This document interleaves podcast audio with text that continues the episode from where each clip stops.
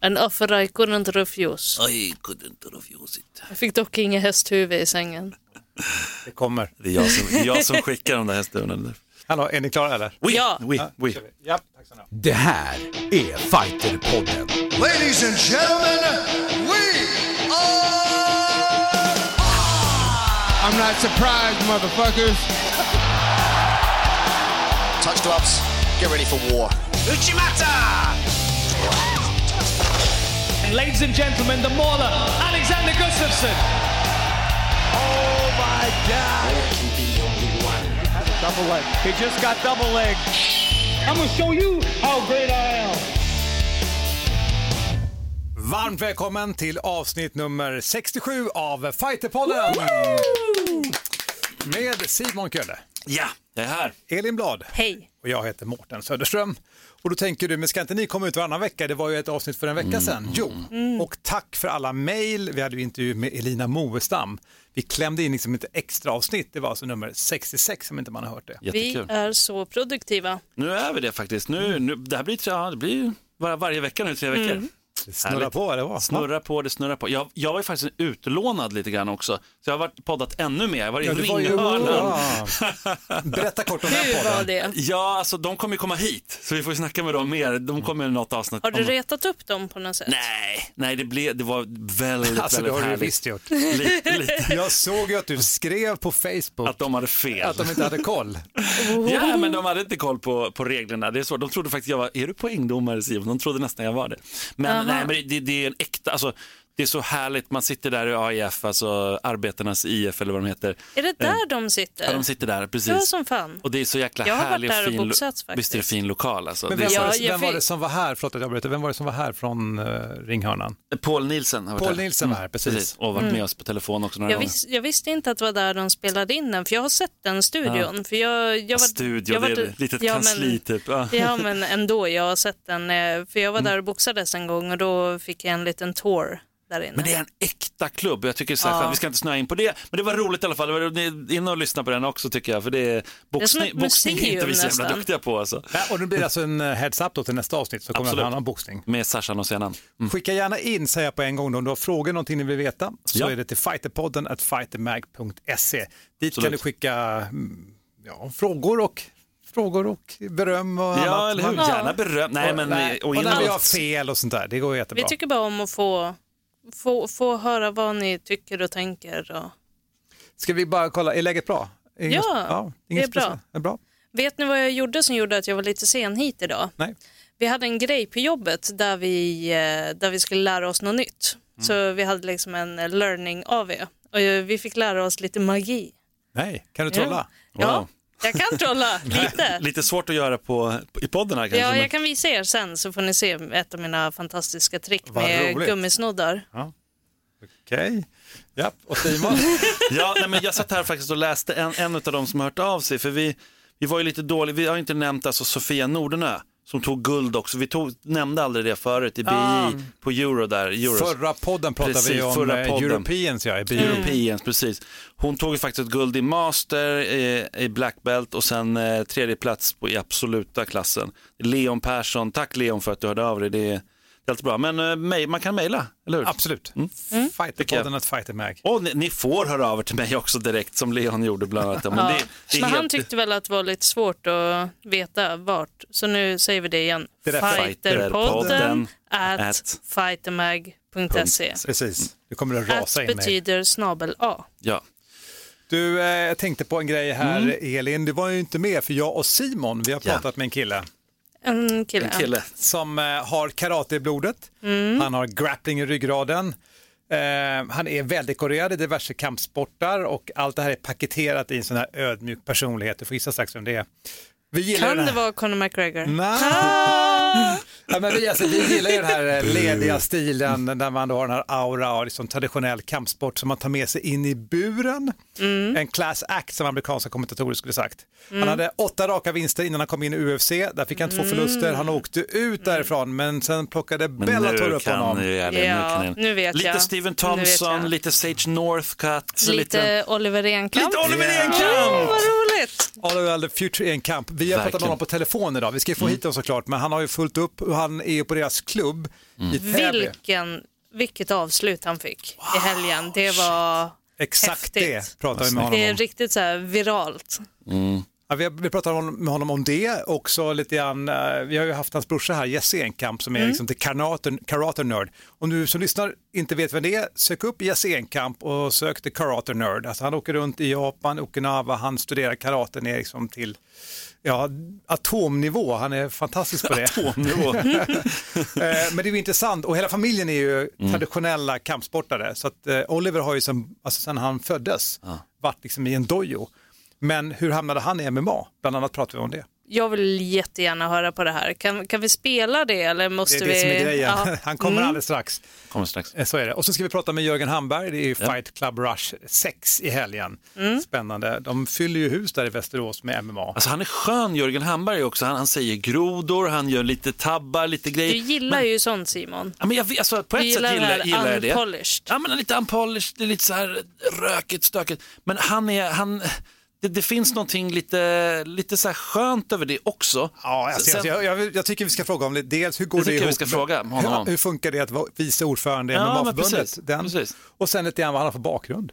Men det tycker jag också är väldigt intressant. Och sen eh, såklart mycket om Fight Club Rush 6. Alltså det, är, ju- det är kul att det växer fram en sån gala i Västerås och att det är bra namn. Och jag menar, det är lätt att titta förbi den här matchen. Jag menar för Tobias Harila som ska möta Fernando Flores där.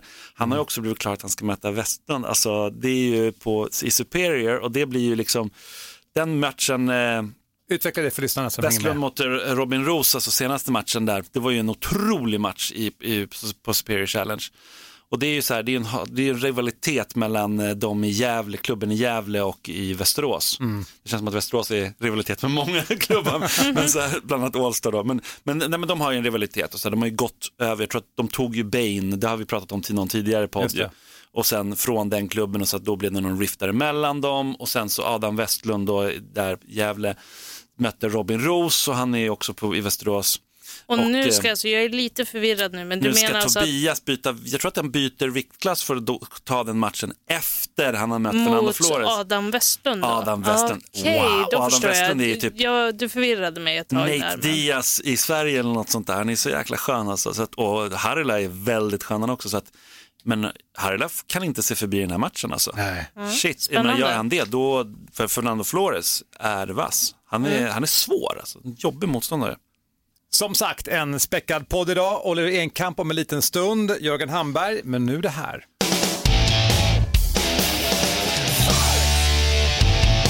Kampsport den här veckan med dig Simon Kölle. Kör hårt. Jajamensan, boxning. Vi måste börja på boxningen, Ja. helt klart. Vilken match. Tyngsta rematchen ägde ju rum nu i helgen. Alltså, otrolig fight verkligen. Tyson Fury segrade i mötet med Deontay Wilder, eller rematchen då mot Deontay Wilder. TKO sjunde ronden. Eh, Wilders coach, han slängde ju in eh, handduken där. Och det var Ja, det alltså, var väl på tiden. Ja, men han nu hotar Deontay Wilder att sparka honom. Är det s- ja, men så här, fighters är ju, de, ingen tål ju det, men alltså, jag kollade på den matchen och redan efter tredje ronden, alltså när, han, när eh, Wilder hade blivit nerknockad Mm. första gången, han, det syndes ju liksom att han inte mådde bra. Och det, det, det, det kändes jättejobbigt. Alltså jag brukar inte tycka att kampsport är så jobbigt att titta på. För, men boxning, alltså det, är, det är så hänsynslöst mot liksom det här våldet mot huvudet. För det, då kan man inte clincha och stå en stund där eller ta ner. Och, det, det är väldigt huvudorienterat. Det, Jag minns när vi kommenterade Bulldog du och jag Simon. Ja, ja, ja. När var det Attila som hade någon form av, han gjorde en re, Ja, just det, ja. Mm. Som körde tungvikt. Vi satt vid ringside och så började de här träffarna sättas ordentligt va.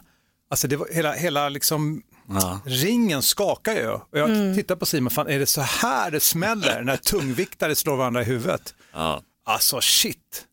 Och de är så stora. Alltså, jag var tvungen att kolla upp en tid när jag kollade på matchen. Hur stora är de här snubbarna egentligen? Och Fury är ju 2,06.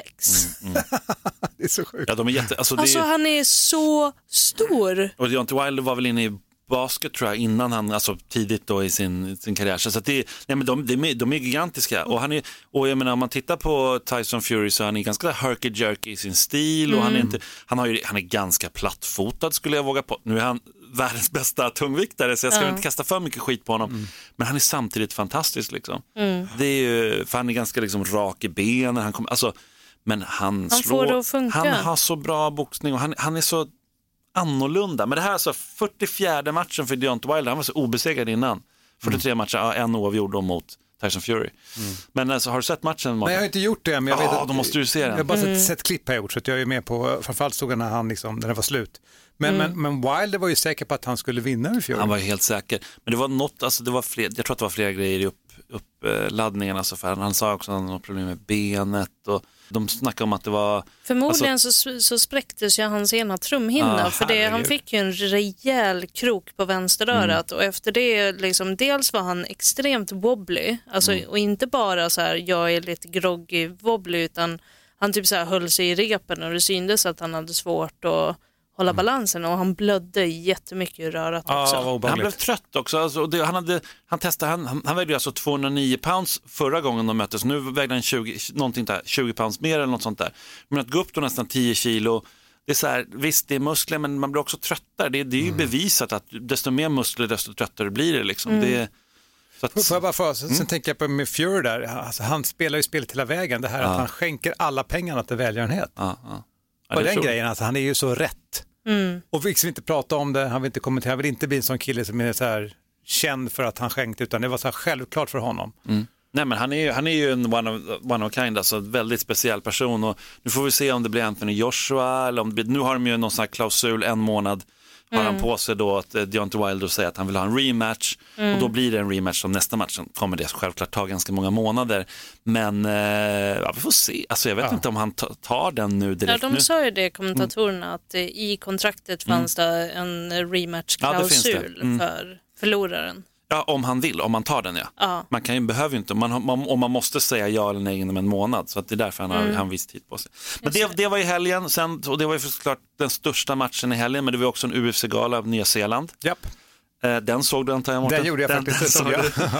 Och det var ju Dan Hooker som var alltså, en grymt jämn match mot Paul Felder. Och jag, Mm. ja, det är många som säger, men Simon, vem vann den? I, I, I don't know man. Du måste, du måste du sitta, det, det var helt Det tossat. var, det var liksom. jättejämnt. Det var så kul, jag tänker på Paul Felder, han kommenterar ju Ja. på UFC. Och Dan Hooker stod ju i ringside. Mm, när, honom. Ja, när, när, han, när Paul Felder intervjuade honom en gång och sa det. Men vem vill du möta härnäst? Ja, han står bredvid mig. Ja, Väldigt skönt liksom. Ja. Och, och Paul Felder var ju lite så här, han har väntat lite efter den där typen av utmaning och att någon vågar, liksom, eller vågar och vågar, det är klart de vågar, men någon som säger det i hans face och sådär. För det är inte så många som vill möta Paul Felder ändå. Han är inte en svår motståndare, en jobbig motståndare. Men vem vann- då? Dan det- Hooker vann, Dan delat Hooker. domslut och... eh, Fem ronder. Det Ja, var fem ronder. krig i fem ronder. Ja, det Alltså. var verkligen krig i fem ronder. Så det var riktigt kul. Jimmy Crute tycker jag, som i co-main event, som gjorde, gjorde en rikt, riktigt imponerande match alltså, mot eh, Michal eh, Olejczyk från eh, Polen som han vann där på en Kimura. Det var ju, alltså Jimmy Crute, han var ganska stor underdog i den här matchen Jag trodde också. han bröt armen. Alltså som han svängde upp den kimuran, den var liksom, jag kan inte ens visa i bild här. Visa i bild Vi, också. vi kan lägga upp en bild på dig på Ja, vår? Instagram sen. Ja, vi sänder ju Jag drar en Kimura mot dig.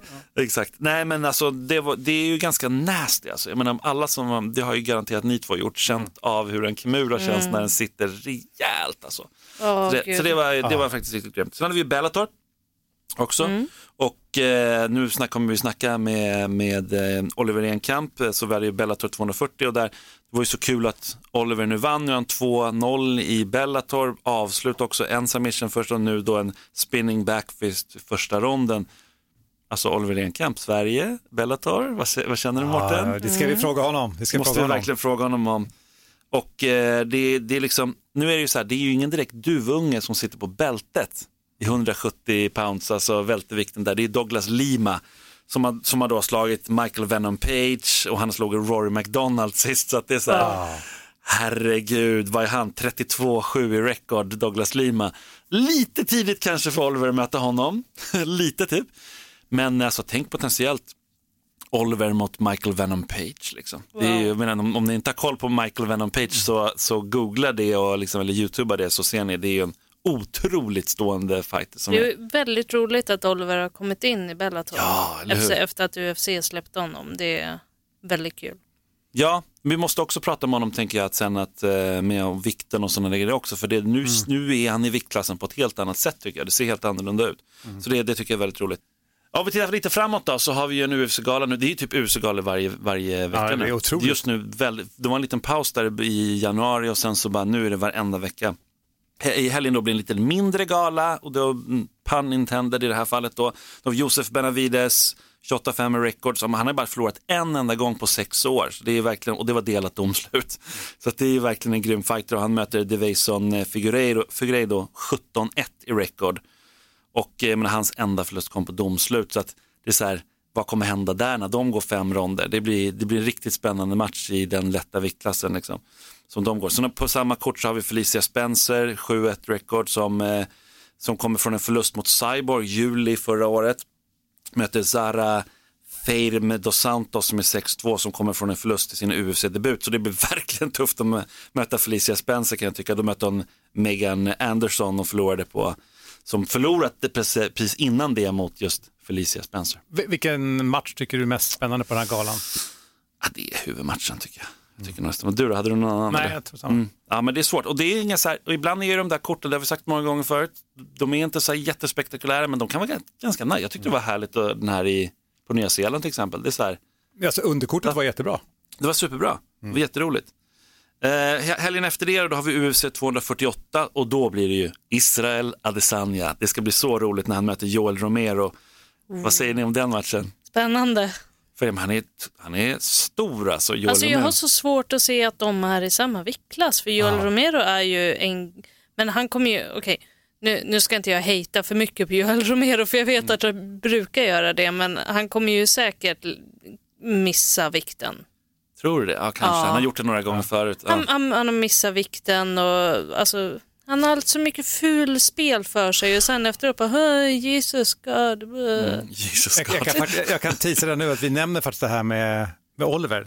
I, Ja, okej. Mm, Men jag tänker just på hur, vad stor han är, Romero, alltså just muskulös. Att, Mm. alltså, alltså intrycket, gemene man ser det här tänker bara, han är mycket mer muskulös, han kommer att vinna. Men så funkar ju inte MMA. Nej. Det är det som är grejen. Och eh, Adesanya har ju, och då kommer vi in på det här med kroppstyper, ni får höra alldeles strax. Det får den här alldeles Vad strax. spännande.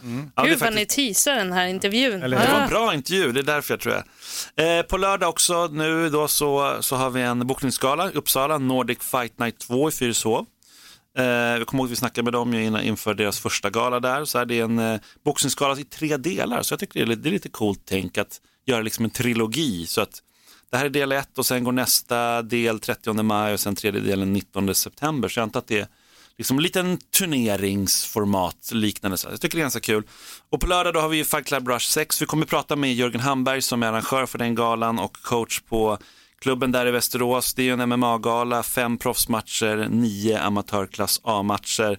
Och i huvudmatchen får vi se Tobias Harila komma tillbaka efter skadan. Han har varit skadad borta i nästan ett år det. tror jag. Och eh, möter Fernando Flores, en tuffing. En bra, bra gala, Mårten. Mycket bra. Eh, nomineringarna har kommit från kamp, eller till Kampsportsgalan. Eh, det är in och kika där på budo.se eller de finns säkert på fightermag.se också tror jag. Eh, och där har vi bland annat Elina Moestam som är nominerad till Årets mästarinna, Årets kampsportare och Folkets pris. Han, henne kan ni lyssna på här i podden förstås. Förra avsnittet. Precis. Sen har vi lite andra TMT-bröderna har vi haft här i podden också. De var också nominerade. Då pratar vi alltså Emil och Johan som eh, eh, är från Tullinge Muay Thai. Deras klubb är, är eh, nominerad och de är också nominerade som eh, bästa ledare för året. Eh, Elin sitter bara och nickar nu för hon har ju varit med i juryn så att hon vet ju. Ja, alltså jag sitter ju här och försöker se så intetsägande ut som möjligt om allting ni pratar om nu. Exakt, och jag går nu mest in på de som vi har haft här i podden förstås. Då, så här. Eh, Hamzat Chimaev, eller Hamzat Chimaev nominerad för årets genombrott och Folkets pris, väldigt kul tycker jag. Han, har verkligen, han har verkligen gjort ett genombrott tycker jag på alla sätt och vis. Men det är så här, kan man vinna fast man inte har, han har inte liksom tagit en VM-guld eller något sånt där, men nu går han ju bältesmatch i Brave, men Men där kan jag hoppa in Ja. och säga att eh, så som kategorierna är definierade, årets mästare är Mm. Ju. Mm. den som har tagit den tyngsta titeln, så här, gärna internationellt. Just det.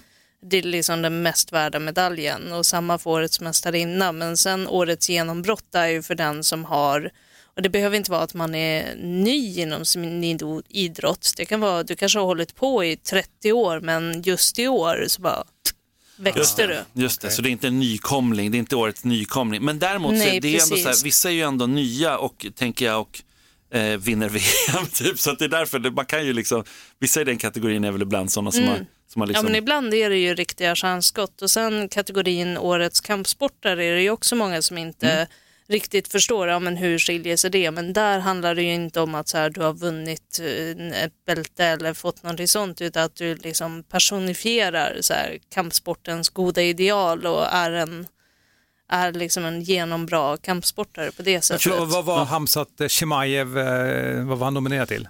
Årets genombrott och Folkets pris. Det det. Men kul att du säger det, Elin, där med årets bästa kampsportare, för där har vi ju, vi har ju pratat många gånger, eller haft en i alla fall ett par gånger här i podden med Lina Länsberg.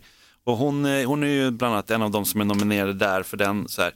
Sen andra gäster som eh, också är nominerade, Josefin Lindgren Knutsson som kommer nu vara med i thai, thaiboxnings-SM som drar igång här, vilken dag, eller har, har dragit igång när det här släpps. eh, Ska vi säga. Och vi har ju Sanny Dahlbäck nominerad, William Zett Wenzel, han är alltid nominerad. Jag bara, det är så här, den gången William inte är nominerad, då, är det så här, då har han typ slutat och då får han eh, så här, lifetime achievement award. så det, det, är liksom, det är ganska roligt. Eh, Sebastian Kadestam, Karl Albrektsson, så det är fler från Pancrase. Det, Typ det jag är alla, kul. alla har vi haft här, vad roligt att Ja, men det, är, det är de jag tar upp. Det är de Aha, jag tar okej. upp. Eva My Persson eh, och sådär. Men eh, så, så det, jag tror att det blir en väldigt kul och det, det känns som att det, det är lite grann en ny generation. Det är inte supermånga av de äldre tycker jag som, som är nominerade. Vi, nu när Reza Madadi har slutat, jag menar Alexander Gustafsson är inte nominerad. Det är, så här, det är lite, lite nytt. Jag menar om man tittar för fem år sedan och hoppar fram och ser så här, det här är de som kommer vara nominerade om fem år. Då är det bara, eh, okej. Vilka är de här? Ja, men lite, lite sådär, Mm. absolut. Det, jag tycker det kan vara ganska kul. Ja, men det, det blir ju väldigt tradigt om man ska hålla på och ge samma personer pris om och om, om, om, om, om, om igen. När det finns, det kommer ju hela tiden. Ja, såklart. Ja, vi måste ju, alltså hela, hela grejen med kampsportsgalan är ju att vi har ju en väldigt stor bredd i förbundet, alltså det är nästan 30 idrotter om inte lite mer. Det är, vi har många bra utövare och det är många som förtjänar att lyftas och hyllas. Ja, och det är kul. Och nu är tillbaka på Berns också, så det, det tycker jag är roligt. Det Bra, tror jag bra. kommer bli bra. Det är igen. väldigt kul. Ja, och ja, men sen har vi ju också SM thaiboxning eh, som drar igång nu. Josefin Lindgren Knutsson som sagt kommer vi få se igen. Och även där många, många en del av de äldre men, men många nya tycker jag också jag såg där. Så, alltså, det, blev, det, blev, det ska bli väldigt roligt. Det är alltid bra. Alltså thaiboxnings-SM är väldigt bra SM tycker jag. Det är ofta hög nivå. Framförallt vissa viktklasser. När man kommer till de högre viktklasserna så brukar det vara tyvärr ganska få. Men, eh, nej, men det är bra. Det är ett bra SM. Var det allt? Alldeles. Kul, tack Simon. Tack, Kan vi nu? lyssna på Oliver nu? Det ska vi göra. Vi Bra. ringer till Oliver Enkamp i Fighterpodden.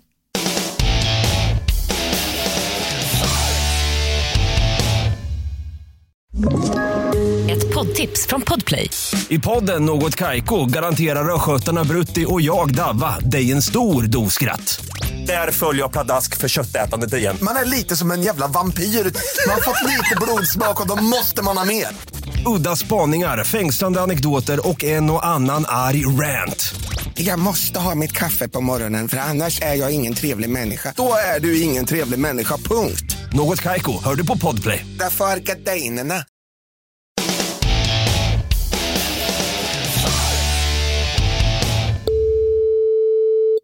Jo, jo.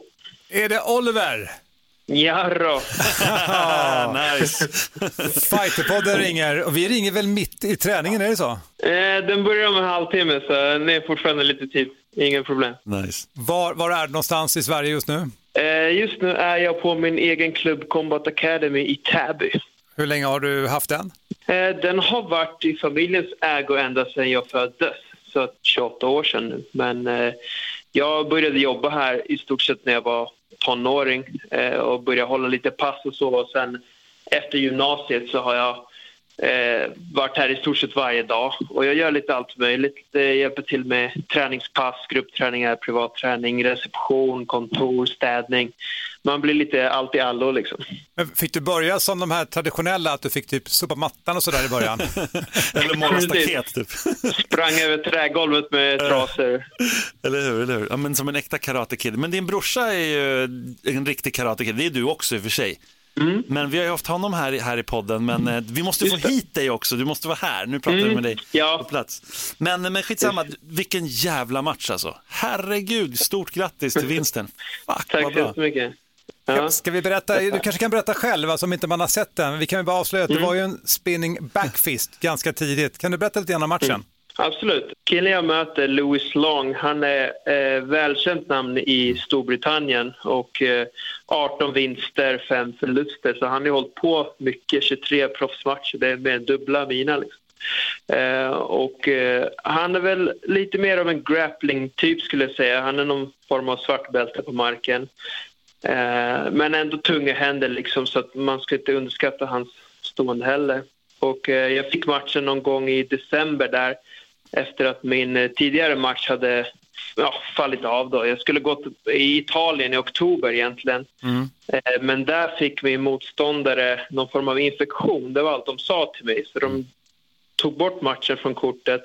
Och eh, faktiskt så träffade jag den här italienarens coach nu på plats i Dublin. Han var nämligen där med någon annan fighter. Och han berättade hela bakgrundshistorien då. Och det var så att han jag skulle möta i Italien, han hade varit och brottats på något annat gym och hade fått både streptokocker och stafylokocker i sitt ben. Eh, och de sa att om han hade väntat lite längre med att åka till sjukhuset så hade de fått amputera hans ben. Jävlar. Och nu har han käkat eh, antibiotika i snart fyra månader. Eh, och han har precis fått börja träna och han kan röra sig en halvtimme i taget, tre gånger i veckan är allt han får träna. Ja, då var det ju ingen, då var det ju ingen lögn att han var dålig du. Nej, precis. Så ja, jag sa bara shit, liksom, send my best regards och Ja. hoppas att han kryar på sig. Så jag fattar nu liksom varför de tog bort honom från matchkortet. Då. Du som har klubb, alltså sådär, eller ni som har den då. Mm. Berättar du ibland sådana här historier? Alltså, det är viktigt att ni sköter er hygien, alltså, för det är ändå så här, det, sånt smittar ju Oh, ja. ändå på, på mattor och sånt. Ja.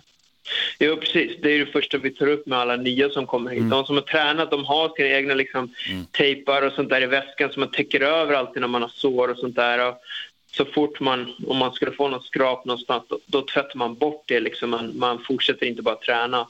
Superviktigt. Sen vi städar de här lokalerna varje dag. Liksom. Det tar flera timmar, men, men det är det värt. Eh, och alla som har fått någonting, de har fått det oftast på andra klubbar. Så vi, verkar, vi verkar hålla rätt rent och schysst här i Ja, alla det är fall. bra, det är bra.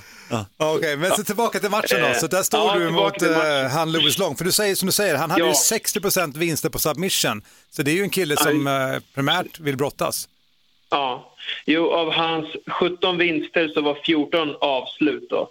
Eh, 10 submission och 4 KO eller TKOs. Eh, så han är tuff liksom. Och eh, jag har tränat eh, för den här matchen sedan i december så jag hade väldigt långt fight camp. Eh, och eh, vi hade som gameplan då att eh, jag hade nämligen väldigt långt reach advantage på honom. Jag har otroligt lång reach för min vi- viktklass överlag. Eh, och han är ganska liksom kort och stockig så han är byggd väldigt kraftigt liksom, men han har inte långa armar. Så att, eh, tanken var att jag skulle in tidigt och, och börja brottas med honom för att en av mina största styrkor är att jag, är- jag är jävligt avslappnad och, och eh, har en, en, en liksom riktig uthållighet. Så att där, jag ofta, tröttar oftast ut folk i, i brottning-scrambles. Så in där och brottas tidigt eh, och jag kände direkt jag fick honom mot buren hur jäkla spänd han var. och, och all, alla slag han drog i liksom dirty boxing i clinchen var vä- väldigt spända liksom och stumma sådär. Och sen så, jag dök på benen på honom flera gånger, double legs och single legs och han kopplar mitt huvud, försöker dra giljotiner. Det var aldrig någon som hotade men, men jag, jag tänkte bara liksom att yes, nu, nu får han klämma sig. Jag, jag tänkte nästan att jag skulle göra lite fake ljud, så "Ah", du vet, som att han håller på att strypa mig så han skulle squeeza ut armarna ännu mer. Eh, sen i alla fall så, så separerar vi efter tre, fyra minuter någonting. Och då kan jag se tydligt att han, hans armar rätt hänger rätt lågt. Eh, och tanken var sen att jag skulle börja jobba med min reach då, eh, när vi har kommit in i matchen lite och attackera mycket mot kroppen för att sen gå, gå mot huvudet då. Och eh, spinning backfisten var faktiskt en av de grejerna jag hade tränat in att jag skulle eh, träffa honom med. Ja, det var så? Ha- Hade du sett det framför dig? Ja, roligt Wow. nog. Jag, eh, för jag hade tänkt att jag skulle snurrsparka mot kroppen ett antal gånger. Och då får han liksom eh, reaktionen då att, att skydda sin kropp varje gång han ser mig spinna. Och då skulle jag sen växla till en eh, backfist som skulle gå högt då. Och jag tror jag drog tre, tre, två, tre snurrsparkar. Eh, ingen som satt klockrent då, men, men då fick jag i alla fall lite av den reaktionen. Och sen så cirklade jag in honom i den här backfisten då, för han hade, han hade mig mot bur, jag hade burpanelen i ryggen så jag började cirkla ut och så följer han mig med ett steg och precis i det steget så tajmar jag för att när man cirklar och någon kliver rakt fram för att skära av då stänger man avståndet väldigt snabbt, eh, vilket man ofta inte tänker på. Så han klev in direkt i mitt avstånd och snurrade. Jag träffade med under armen. Så att det var inte riktigt armbåge, inte riktigt handsken, men jag menar benet där är ju stenhårt, det är ingen skydd på det. Så att, Någonting Ja. som slår mig, jag måste bara säga att du avslutar ju sen honom nere, men det här är ju härlig musik i mina öron det, när du pratar om fighting. Men du, du, kän, du alltid Anne, jag, jag har ju ändå snackat med dig och träffat dig ända sedan du var riktigt liten. Och du har ju så här, du har alltid varit, du måste komma från familjen, men du har alltid varit liksom vis, eller du, du kan ju, du har ju hela, det låter som att du har hela matchen, jag vet inte om du har tittat på den noga, men du, det känns som att du har den hela förberedelsen och nu efterhand i huvudet. Mm. Liksom. det kändes som att jag, hade, jag var i kontroll hela tiden, Mm. men det roligaste är, är när en gameplan funkar verkligen. Ja, det Eh, och och att, att grejer man har gjort på träningen faktiskt kommer ut i match Mm. också. Eh, för att det är inte för alla som det gör det. Det är många som är, är, är grymma i gymmet och sådär men sen så fryser de och safear jävligt mycket när det blir match. Och jag har själv känt det liksom att man håller tillbaka supermycket till en början och sen för varje match så vågar man släppa ut lite mer och lite mer och lite mer. Mm. Så Det är fortfarande en process för mig också. Men som sagt, alltså, du har ju kampsport i, i blodet. Och som eh, Simon sa förut här, vi har haft din brorsa Jesse här, han är ju känd som the karate nerd, han har ju verkligen gått liksom, den Ja. traditionella vägen, han är så här lite YouTube-fenomen nästan. Eh, och din familj, hela, hela klubben så att säga har ju varit traditionell, men du gick till MMA, hur kom det sig? Eh, jag tror att för mig handlar det mycket om att, att söka lite nya utmaningar. Jag har alltid varit den lite mer äventyrliga av mig och min brorsa. Eh, och jag tävlade ju väldigt mycket i karate från att jag var typ sådär 10 till upp till gymnasiet.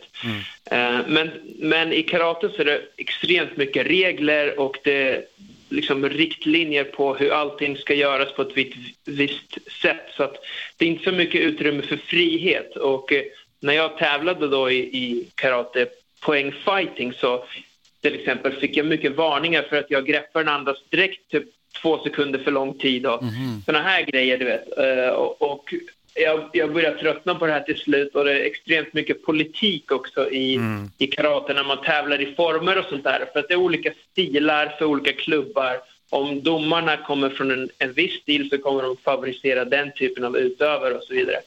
Så man kände ofta att man blev orättvist bortdömd och sådär. Och eh, jag började träna kickboxing först av allt eh, medan jag var kan jag varit 14-15 och sånt där och körde det parallellt med karaten.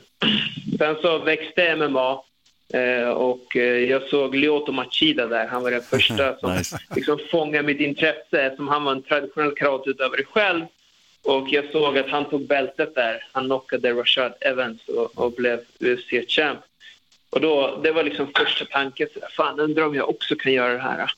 Och sen eh, året därpå så, så anordnade de det första MMA Academy, sommarlägret i, eh, i Södertälje där.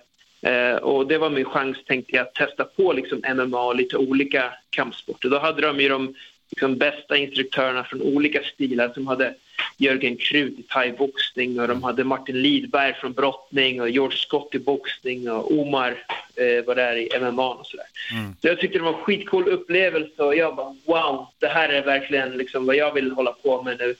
Jag kommer ihåg att efter typ första passet sprang jag tillbaka till mitt rum och ringde brorsan direkt. Fan, det här är så jäkla coolt. Måste du måste komma hit och testa, jag ska visa allt när jag kommer hem.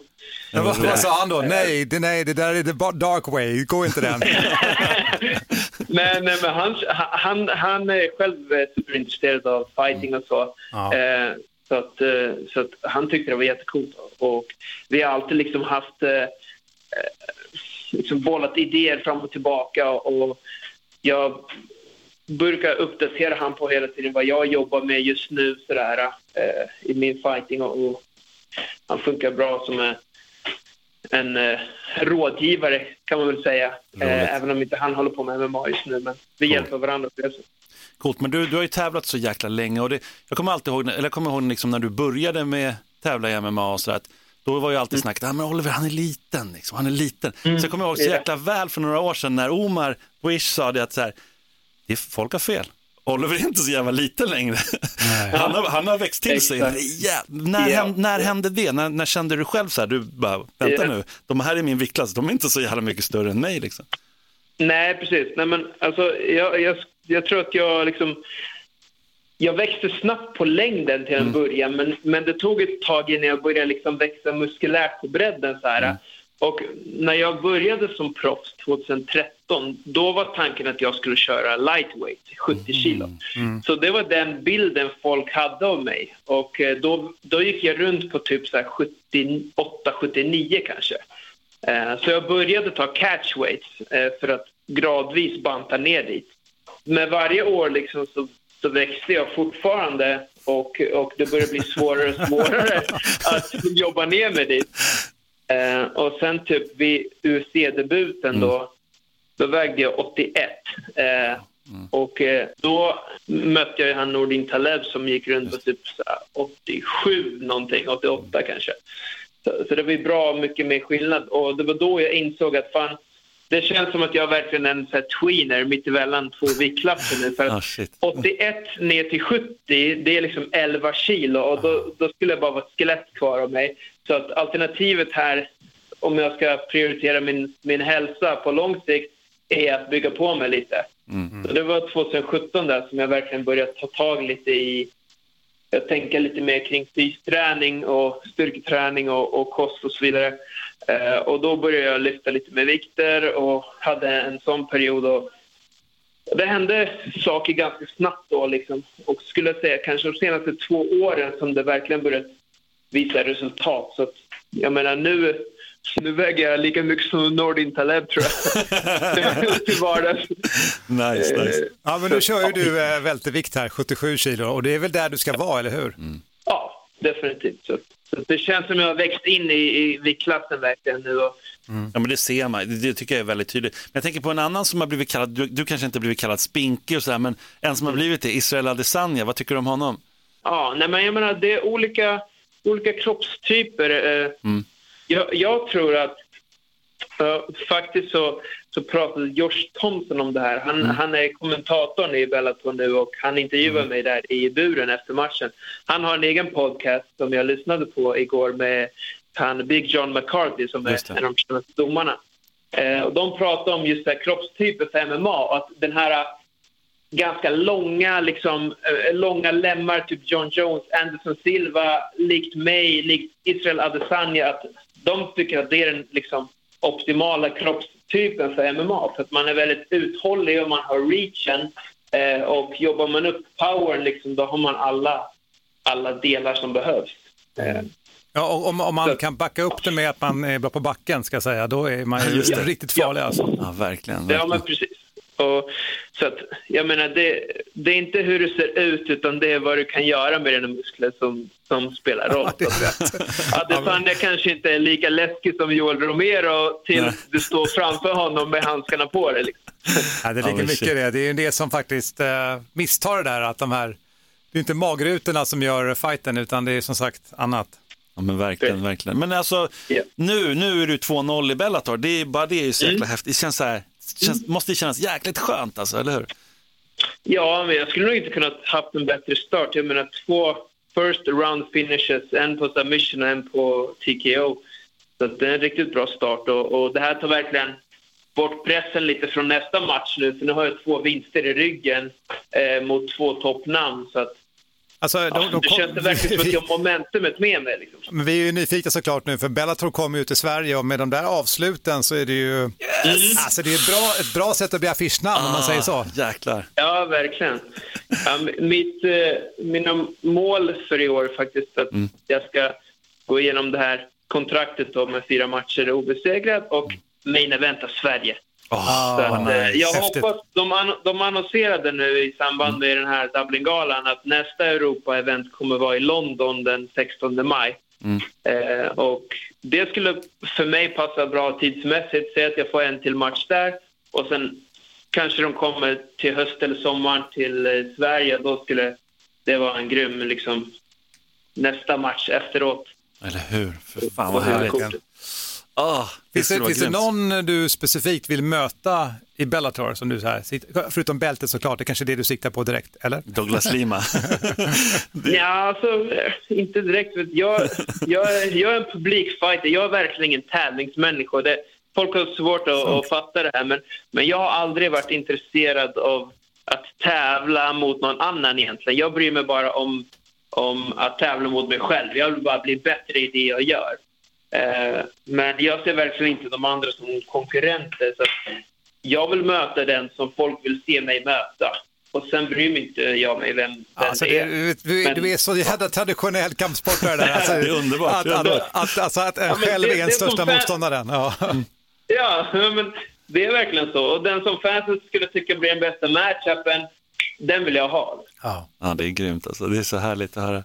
Jag tror en, en striker hade varit roligt, för att nu har jag brottats i två matcher, så lite mer stående vore, vore kul att få, få visa. ja, vi vet ju att du har, ett, du har en bra arsenal. Som sagt, både på backen men stående är ju egentligen därifrån du kommer, så där har du ju mycket mer att visa. Verkligen. Ja, verkligen. precis. Nej, Oliver, du ska få gå till träningen nu och eh, vi ser fram emot att ha dig här och se dig snart i Bellator och lycka till. Yes, tack så jättemycket.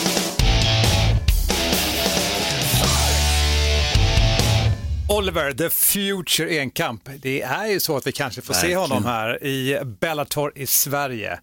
Men vad spännande att han, vad, vad traditionell han var där just att han, egentligen var det inte att han skulle ha motståndaren och det här bältet Nej, utan att han har sig själv som sin största motståndare.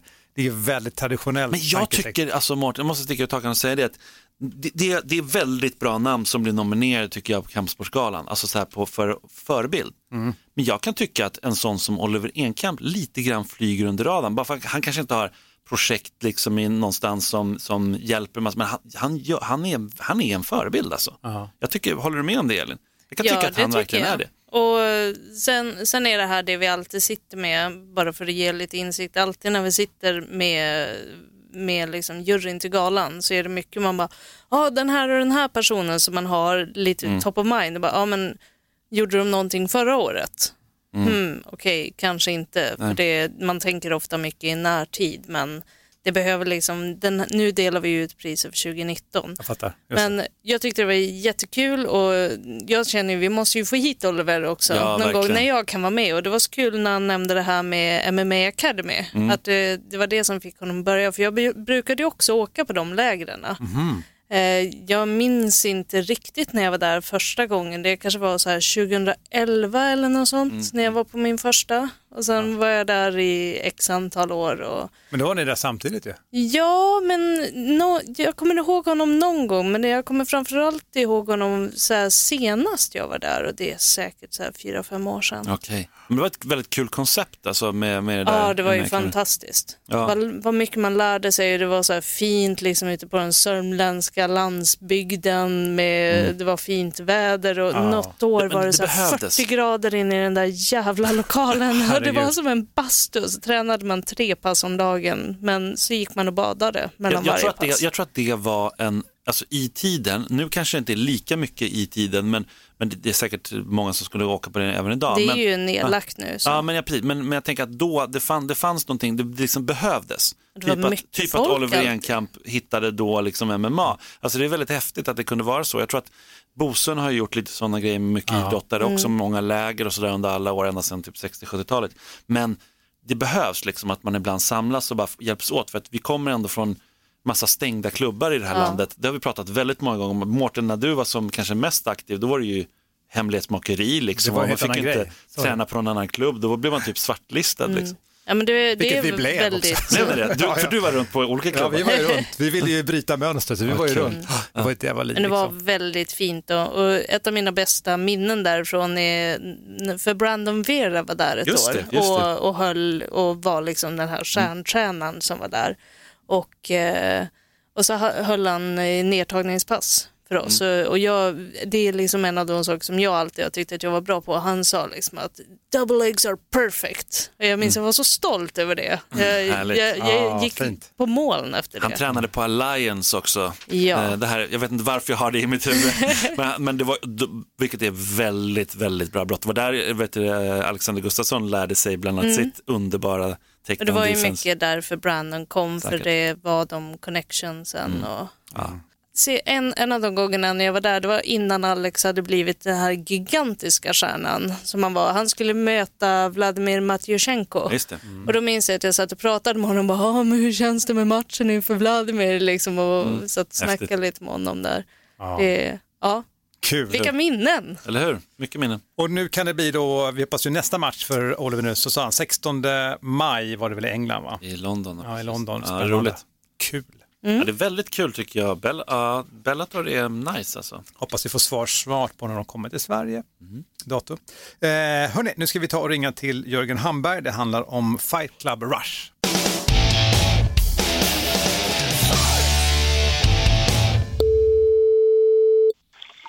Jörgen. Jörgen Hamberg Tjena, tjena. som laddar inför Fight Club Rush. Uff, vilket tryck det är. nice, nice. Vad roligt. Ja, det är mycket nu. Ja, det, det kommer bli häftigt. Men det är ju sjätte gången nu som ni ska fylla hus i Västerås. Berätta lite grann om arrangemanget. Nej, men alltså, man, blir väl, man lär sig lite grann varje gång, tycker jag. Eh, får lite bättre organisation, man får lite bättre koll. Det blir inte lika så här, panikartat den dagen man kör och, och man kan höja kvaliteten lite grann för alltså, upplevelsen för fighters och, och coacher och sådana som, som eh, kommer dit och besöker oss. Men, men eh, ja, den här gången kommer vi inte ha den största hallen. Vi hade den sist.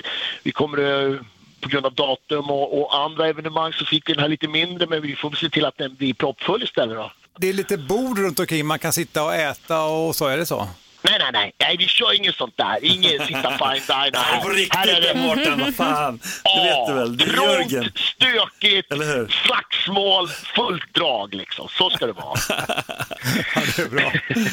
Ja, nej, så det blir lite mer oborstat. Det är liksom folk som tycker om att kolla, kolla på fighting och sen ska det vara rökigt och stökigt. Då, då, då tycker jag, då trivs jag. Men du, alltså det är lite, jag måste bara innan vi går in på galan, du är ju lite, jag höll på att säga att du är lite rökig och stökig, det kanske du inte är, men du är lite så här kontroversiellt härlig. Alltså det, det behövs ju lite, jag tycker att det behövs lite, lite så här outspoken, man säger, du, du gör lite grodor, du gör alla möjliga grejer så här. Jag tycker det är lite härligt. Men vad fan, det, det är fighting vi pratar om och det, det, det, vad, hur känner du själv? Alltså får du skit för en del grejer? Det är klart att man får skit för en del grejer. Alltså, MMA-Sverige är ju så litet så man kommer att ha eh, flera roller. Jag menar, man står och arrangerar en tävling, man är coach, man håller träningar och rätt vad det är ska man sitta i, i Svenska MMA-förbundet egentligen och titta på, på regelverk och, och hur vi ska sköta det här snyggt. De här rollerna kan ju krocka lite grann ibland, det kan jag ju faktiskt hålla med om. För att när jag är coach och, och, och ute med fighters, då kan det vara då har man ju den approachen, då sätter man på sig den kepsen. Och den kan ju kanske ibland då vara lite i clinch med, med att sitta MMA-förbundet egentligen. Men eh, Ja, vi ska väl samtidigt... säga kanske att du, du är ju alltså vice ordförande i MMA-förbundet, eller hur? Stämmer, det stämmer. Ah, nice. Mm. Eh, men men jag, samtidigt tycker jag så här, eh, brinner man för sporten, Ja. man, man vill att den ska liksom vara, det ska, den ska vara mustig, det ska vara liksom energi i den. Då måste man ju bidra lite grann med det utan att liksom trampa på något regelverk eller, eller det Länsstyrelsen har sagt är, är vårt ramverk. Men i, inom de ramarna måste man ju kunna liksom måla en bild så det blir lite, lite tryck i det här. Så hur tycker tänker du då med när du ska branda det här Flight, Fight Club Rush? För det, är det just rökigt och stökigt? Kan du beskriva hur det kommer kännas att vara på den här galan för de som kanske inte har varit där? Nej, men det, det vi försöker göra, jag försöker plocka bort sånt som jag inte själv gillar. Jag gillar till exempel inte när man har sagt att ah, men vi ska hålla på 30 minuter per fight och så är matchen slut på 15. Då ska man sitta och titta på varandra i 15 minuter.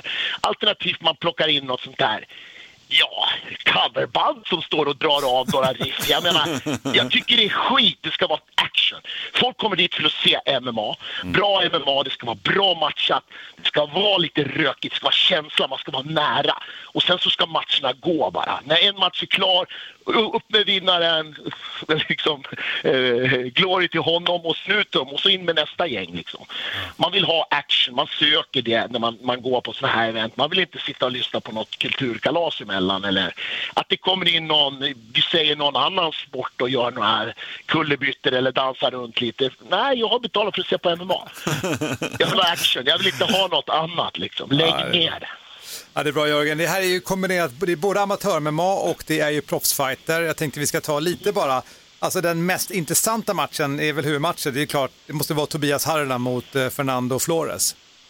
Han har ju skadad ett år, eh, drygt ett år till och med. Eh, han bröt tummen, det läkte fel. Han fick eh, operera om den, lägga tillbaka den efter fem månader eller någonting. Och så är han ju tillbaks nu. Eh, så vi drog till Hardnox 30 december, var där och körde med de riktiga vargarna och, och det, den funkar, den håller liksom. Så han är tillbaka nu, han är otroligt hungrig. Och så har vi då eh, Fernando som liksom många har underskattat som är betydligt bättre än vad folk tror liksom. Jag menar, de har tagit in han för att fylla ut något kort tidigare och förlorat liksom mot Mm. honom. Han är en hårding liksom, han är cool. Han, Han brottas bra person. också. Han brottas väldigt bra. Alltså man ska inte underskatta hans brottning heller. Alltså det är verkligen... Han är svår, är en, han är svår nö, nöt alltså att knäcka för många. Men jag måste bara fråga innan vi, vi pratar Fernando. Men Tobbe, alltså nu under det här året, du har ju ändå träffat honom mycket liksom. Och det, hur, hur, han säger ju inte så mycket själv, men hur har han mått? Att inte, för han är ju en fighter i själen. Han måste ju få fightas liksom. Hur har han mått, tycker du? Ja, I början var han lite deppig och sådär. Sen har han väl egentligen kurerats, men det har varit så. Han har ju varit en stående fighter. Vi är en klubb som, som liksom inte kör BI, vilket är ganska ovanligt också. Då. Eh, vi grapplas såklart, eh, men vi gör MMA. MMA-baserad grappling. Vi har inga, inga BI-dräkter och ligger och drar, utan vi kör handskar på och sen så, så brottas vi där. Han har väl varit lite kritiserad för att han är för dålig på marken eller ja, det är bara att ta ner honom och dra ut honom liksom. Och, och jag skulle säga att det, det hålet har han stängt. Eh, hans brottning är bra nu och då pratar jag egentligen inte BJ utan han har bra koll, han har bra, bra scramble, han, är, han har bra tryck på marken. Och jag menar när han bygger höjd så han är helt jävla livsfarlig. Det är nästan så jag kan börja gå mot buren då för då sover folk. Eh, nej, hans ground pound är fruktansvärd, den är Ja, nice. Och Fernando Flores då? Fernando är som sagt, får det med länge och som sagt, han pushar framåt, han har bra brottning, bra grind. Han är inte kaststående, så liksom, han, ligger på, han gör det tufft att möta honom. Liksom. Det gäller att vara vaken för att eh, annars sitter du i buren och sen, och sen, sen där, står han där och, och, och, och samlar poäng. Liksom. Han slår, han knär, han är jobbig med det, bra press hela tiden. Men samtidigt, Tobias brottning, jag, jag tror att han kommer att kunna möta upp Fernando på ett bra sätt ändå. Men det är MMA, det är liksom det är någon, någon snyting ifrån så är det någon som sover. Så att det kan, allt kan hända. Precis allt kan hända. Finns det någon match du hade velat se på kortet som inte är med? Eh, Ja, alltså det är väl flera. Det är väl egentligen, jag hade velat sett Bane mot Westin. Vi hade den matchen laddad. Ja. Westin var, Westin var inte, inte upplagd för den. Den hade vi också velat haft. Den har väl varit eh, mycket diskuterats fram och tillbaka. Ja, det har varit ett jäkla tjat mellan Allstar och oss om den och det har gått hit och dit och de vill ha den på AK, vi vill ha den hos oss. Och det är våran match och det är hit och dit. Men det har varit kul jidder liksom. Det sätter lite energi i, svensk MMA ändå. Kommer den bli av den- tror du? Nej, jag tror faktiskt inte det. Nej, vad tråkigt. Ja, vad synd. Jag, jag, jag tror inte den kommer att bli av. För att, eh, jag menar, vi har erbjudit in den två gånger och det har inte passat. Det har varit, jag förstår, han har familj och så vidare. Men, men det är jävla konstigt, den passar alltid när AK går. Så att, jag vet inte fan. Och, och, eh, men det, spelar inte oss stor roll liksom. För att jag tror Westin är större behov av matchen än vad vi är. Jag menar, han har kört länge, väldigt länge. Han har varit uppe på bra nivå som PFL till exempel men inte, inte lyckats slå igenom där. Han behöver någonting som kickar hans kar- karriär nu egentligen. Och, och ta en sån här uppkommande fight som Bane som har mycket hype och lite, liksom folk, folk tycker han ser elak och, och tuff ut. Liksom. Att kliva över ett sånt lik, det hade ju varit liksom, eh, någonting som kunde kicka igång hans karriär igen. Men vill han inte ta den så det är, det är ingenting vi deppar över. Vi siktar på nya mål, nya motståndare, bara kör. Kan du bara förklara för lyssnarna som inte är med riktigt här, för det blir ju, om inte man är helt insatt i det, varför är det här komplicerat med Westin och bana? Är det för att de tillhör olika klubbar eller vad är det som gör att det är konstigt? Nej, det är väl egentligen så. Båda är två väldigt fysiska fighters. Eh, olika klubbar, olika organisationer. Och så är det så här, vi har sagt det här ska bli våran match. Det, det här är en Fight Club Rush-match. Eh, ja, det är lugnt, vi skulle få den. Sen blev det så här, AK fanns inte när vi pratade om det. Sen kom AK, då ville de ha den på den. Eh, och sen har det liksom gått där fram och tillbaka liksom. Och, ah, det, det är ju så här, man, man kan försöka några gånger med någonting men, men är det så att det inte blir någonting av, lägg ingen kraft på det och spring vidare. Eh, det hade varit två otroligt intressanta fighters för båda är väldigt fysiska. Två riktiga fysmonster, starka som troll och, och, och liksom bra brottning så det hade liksom blivit en riktig styrkemätning mellan två giganter. Men, men ehm, eh, ja, det, vi får se, vi får se. Om gudarna vill så, så kommer det. Men, men jag, börjar bli, jag börjar bli skeptisk om du säger så. Okej, okej. Du, eh, alltså en match till, jag tänker på Ahmed Vila där mot Arman Popal. Ja, och Ahmed, Ahmed är ju då en, en kille som, som eh, han fightades tidigare. Han är från, från Bosnien. Han fightades ett tag för All-Star. Eh, jag tror han fick lite dåligt med matcher. Han kom till oss och vi har gett honom lite matcher. Han fick en jävligt taskig start hos oss. Han fick gå mot, mot Mats Brunell eh, på Cage Warriors och, och åkte, åkte på en Japanese necktie såklart. Eh, så att, så att han har lite att bevisa nu. Han är hungrig, han vill upp. Arman, pigg kille som alltid vill slåss. Han är på All-Star nu, han var tidigare på Forza, vilket innebär att han har egentligen jättebra brottning. Han är stark, han är tuff. Okej stående, så Arman har inte heller några hål direkt. Kort, jag skulle säga att Ahmed Villas grappling är nog bättre än Poppals lite grann. Men då går han upp en viktklass och han går, Ahmed går egentligen i, i, i featherweight så att då har Poppas styrkan så att han kommer nog kunna egentligen att hantera brottningen med att vara lite starkare, även om han kanske inte är lika teknisk. Stående skulle jag säga att Poppal är, han är stark där. Så att det kan gå hur som helst. Det är en, det är en, det är en spännande match. Ja, det är spännande Jörgen och det blir väl som vanligt fullt va? Det kommer bli fullt. Vi, vi har sålt dem alltså i två tredjedelar. Så att det kommer vara tajt i dörren alltså. Det, är- Kul. det, är- de, de som har förköpt de vet att de kommer in men, men i dörren kommer vi nog få stänga igen efter max 100 pers. Det är jävligt roligt att det är så många ändå som gillar fighting i Västerås. Alltså det, det, det, det är ändå, men er klubb har varit rätt liten, men jag, jag har ändå upplevt, jag har ju varit mycket i Västerås, jag hade ju en fru där liksom en gång i tiden. Men, då var det, men det var ju så här, eh, det var mycket fighting-intresserade, det har varit det länge liksom. Ja, vi har haft bra andra typer av kampsport. Ja, vi har bra brottning, vi har bra också, boxning, det. Mm. BI-klubbar, två stycken som är bra. Eh, så det har funnits, men MMA har vi väl inte varit så bra i.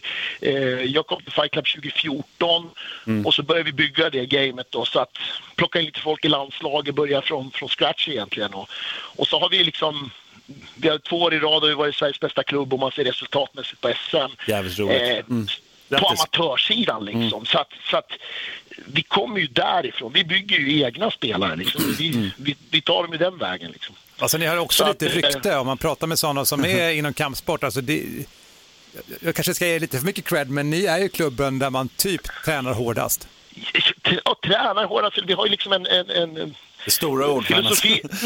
ja, nej, men det, alltså det värmer att höra de där, de där karamellerna dansa fram. Men det vi gör är väl egentligen att, att eh, det blir ju lite ett mindset.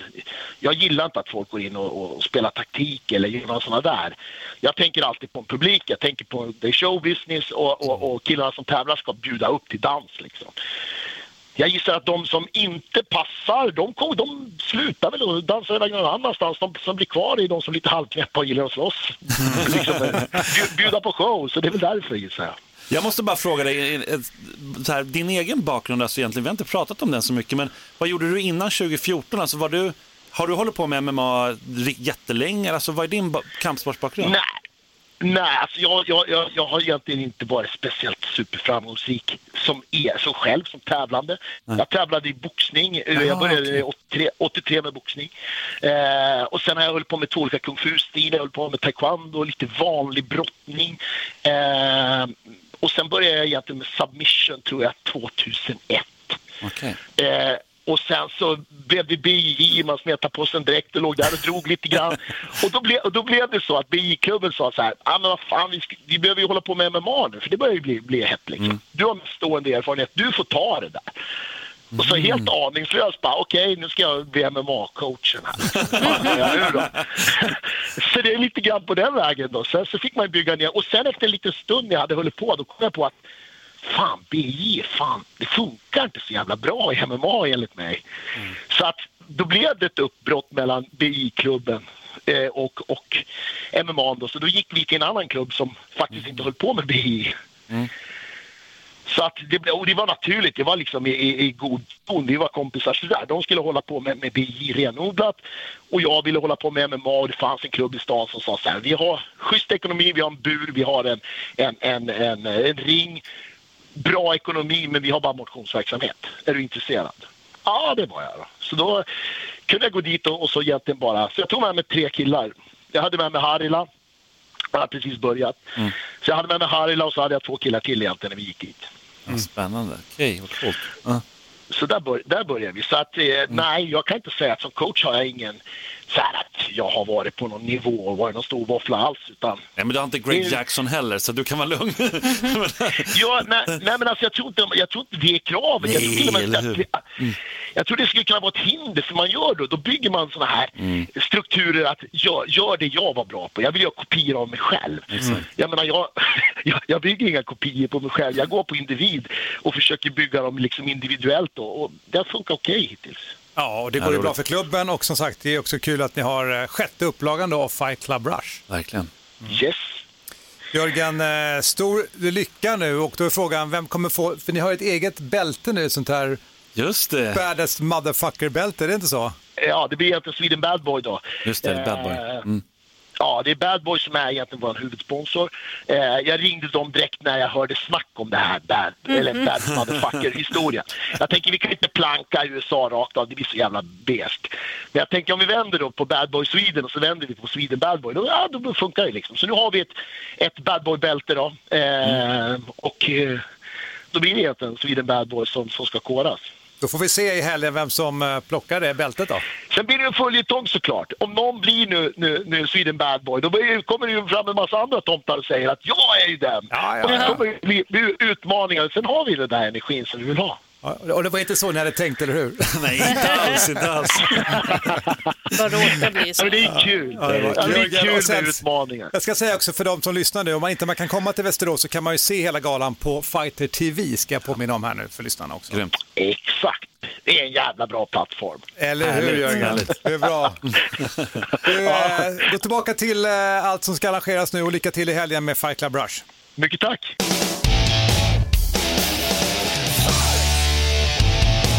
Fight Club Rush 6 alltså Ja. i Västerås. Kul, sjätte galan. Roligt, Ja. roligt. Snart så tänker jag att de kommer upp och så kan vi kommentera de galorna Ja, också. precis. när de har råd, när de har kommit lite längre. Jag skojar bara. Du, eh, Sweden Bad Boy-bältet. Ja, Ja. Du ska, undrar vem som får den. Tänk om det blir nu att eh, Tobias Harla får det då, till exempel. ja. Då, då ska vi se vem som kommer utmana honom, som kommer hävda att den personen är mer. Men då ska ju. Harila möta Adam Westlund har du Men det är sagt. på Superior Challenge, så att då, då lär inte det bältet följa med Nej, kanske. Men, det, men då, ja. Det kan bli då, då pratar vi komplicerat. om ja. lineage. det kan liksom. bli Då pratar vi det. komplicerat. Då kommer ju, ha- då, om vi säger då att Adam Westlund eh, vinner den, då kommer ju han kunna hävda att han är Det var det jag the bad boy. Just det. Just det. Men eh, vill man ens hävda att man är bad boy, undrar jag. Alltså Adam Westlund vet jag inte om han vill det. Är, han är väldigt skön alltså Adam Westlund, jag gillar honom. För han, är så jäkla skön. Han, han säger inte det som förväntas av en. Liksom. Så att det är roligt och det, är- det är ja, kul. Men eh, den här galan tror jag också kommer bli väldigt bra. Och som sagt, det pratade ju med Jesper Gunnarsson som är ordförande för MMA-förbundet, just att de här, eh, jag ska inte säga mindre, men mindre arrangörerna har väldigt många eh, amatörmatcher först Ja. och sen har man proffsmatcherna på samma Nio gala. stycken på den här galan. Och det ska man inte underskatta för det är som sagt på de här amatörfighterna som de framtida proffsfighterna kommer. Och det är amatörklass A också. Så det är, de är ju väldigt nära proffs skulle jag säga. Det är Ja. liksom, de, många av dem är ju helt redo för proffs, men de kanske vill gå någon extra och sådär. Jag skulle säga att Just det. Ilas som vi nu kommer få se gå proffs, eh, som är kanske mest känd för att vara Panik Jansads kille, han är ju väldigt duktig. Han har ju, han har ju gått liksom A-klass och jag skulle säga att han, för, för ett tag sedan så skulle han säkert kunna ha gått proffs, men, men nu kommer han, han gå proffs. Så, det Så blir får väldigt man ju minnas att har man väl gått över till proffs så får man ju inte heller Never tävla. go back. Ja, du får ju inte... Inte riktigt, men nästan. Ja, men det, du kommer typ inte få tävla i, vara med i landslaget Nej, eller något sånt. Och det finns säkert många som aspirerar på det för att få åka på EM, VM och allt vad det är. Det finns ju de som faktiskt har varit proffs och sen gått tillbaka till amatör, men tror att det, är just, jag tror att det finns lite regler Ja, där. men, eh, vi, vi diskuterade det här i någon podd. Ni får det. lyssna igenom arkivet. Någonstans finns det där vi pratar om det Precis. här. Att för det var det vissa, för det, men om du då Om man är förlorar till- tillräckligt dålig som proffs så dålig får och man dålig, bli... men det kan jag ha åkt på några nit, alltså tre förluster eller tre, fyra raka förluster, då kanske det är bra att gå tillbaka till, till amatör, för det börjar bli svårt att få matcher som proffs också. Mm. Vem vill möta en 04? Liksom? Det här får vi ta i en annan podd. Oui. Vi tar och knyter ihop bra. Då tackar jag Elin Blad Tack så mycket. och sen Simon Kölle. Tack så mycket. Och jag heter alltså Mårten Söderström och vi påminner då om fighterpodden at fightermag.se. Ja. Hör gärna av er. Tills vi hörs i avsnitt nummer 68 om två veckor säger vi Puss! Fighterpodden produceras av Suba Media för Radio Play. Ett poddtips från Podplay. I fallen jag aldrig glömmer djupdyker Hasse Aro i arbetet bakom några av Sveriges mest uppseendeväckande brottsutredningar. Går vi in med hemlig telefonavlyssning och, och då upplever vi att vi får en total förändring av hans beteende. Vad är det som händer nu? Vem är det som läcker?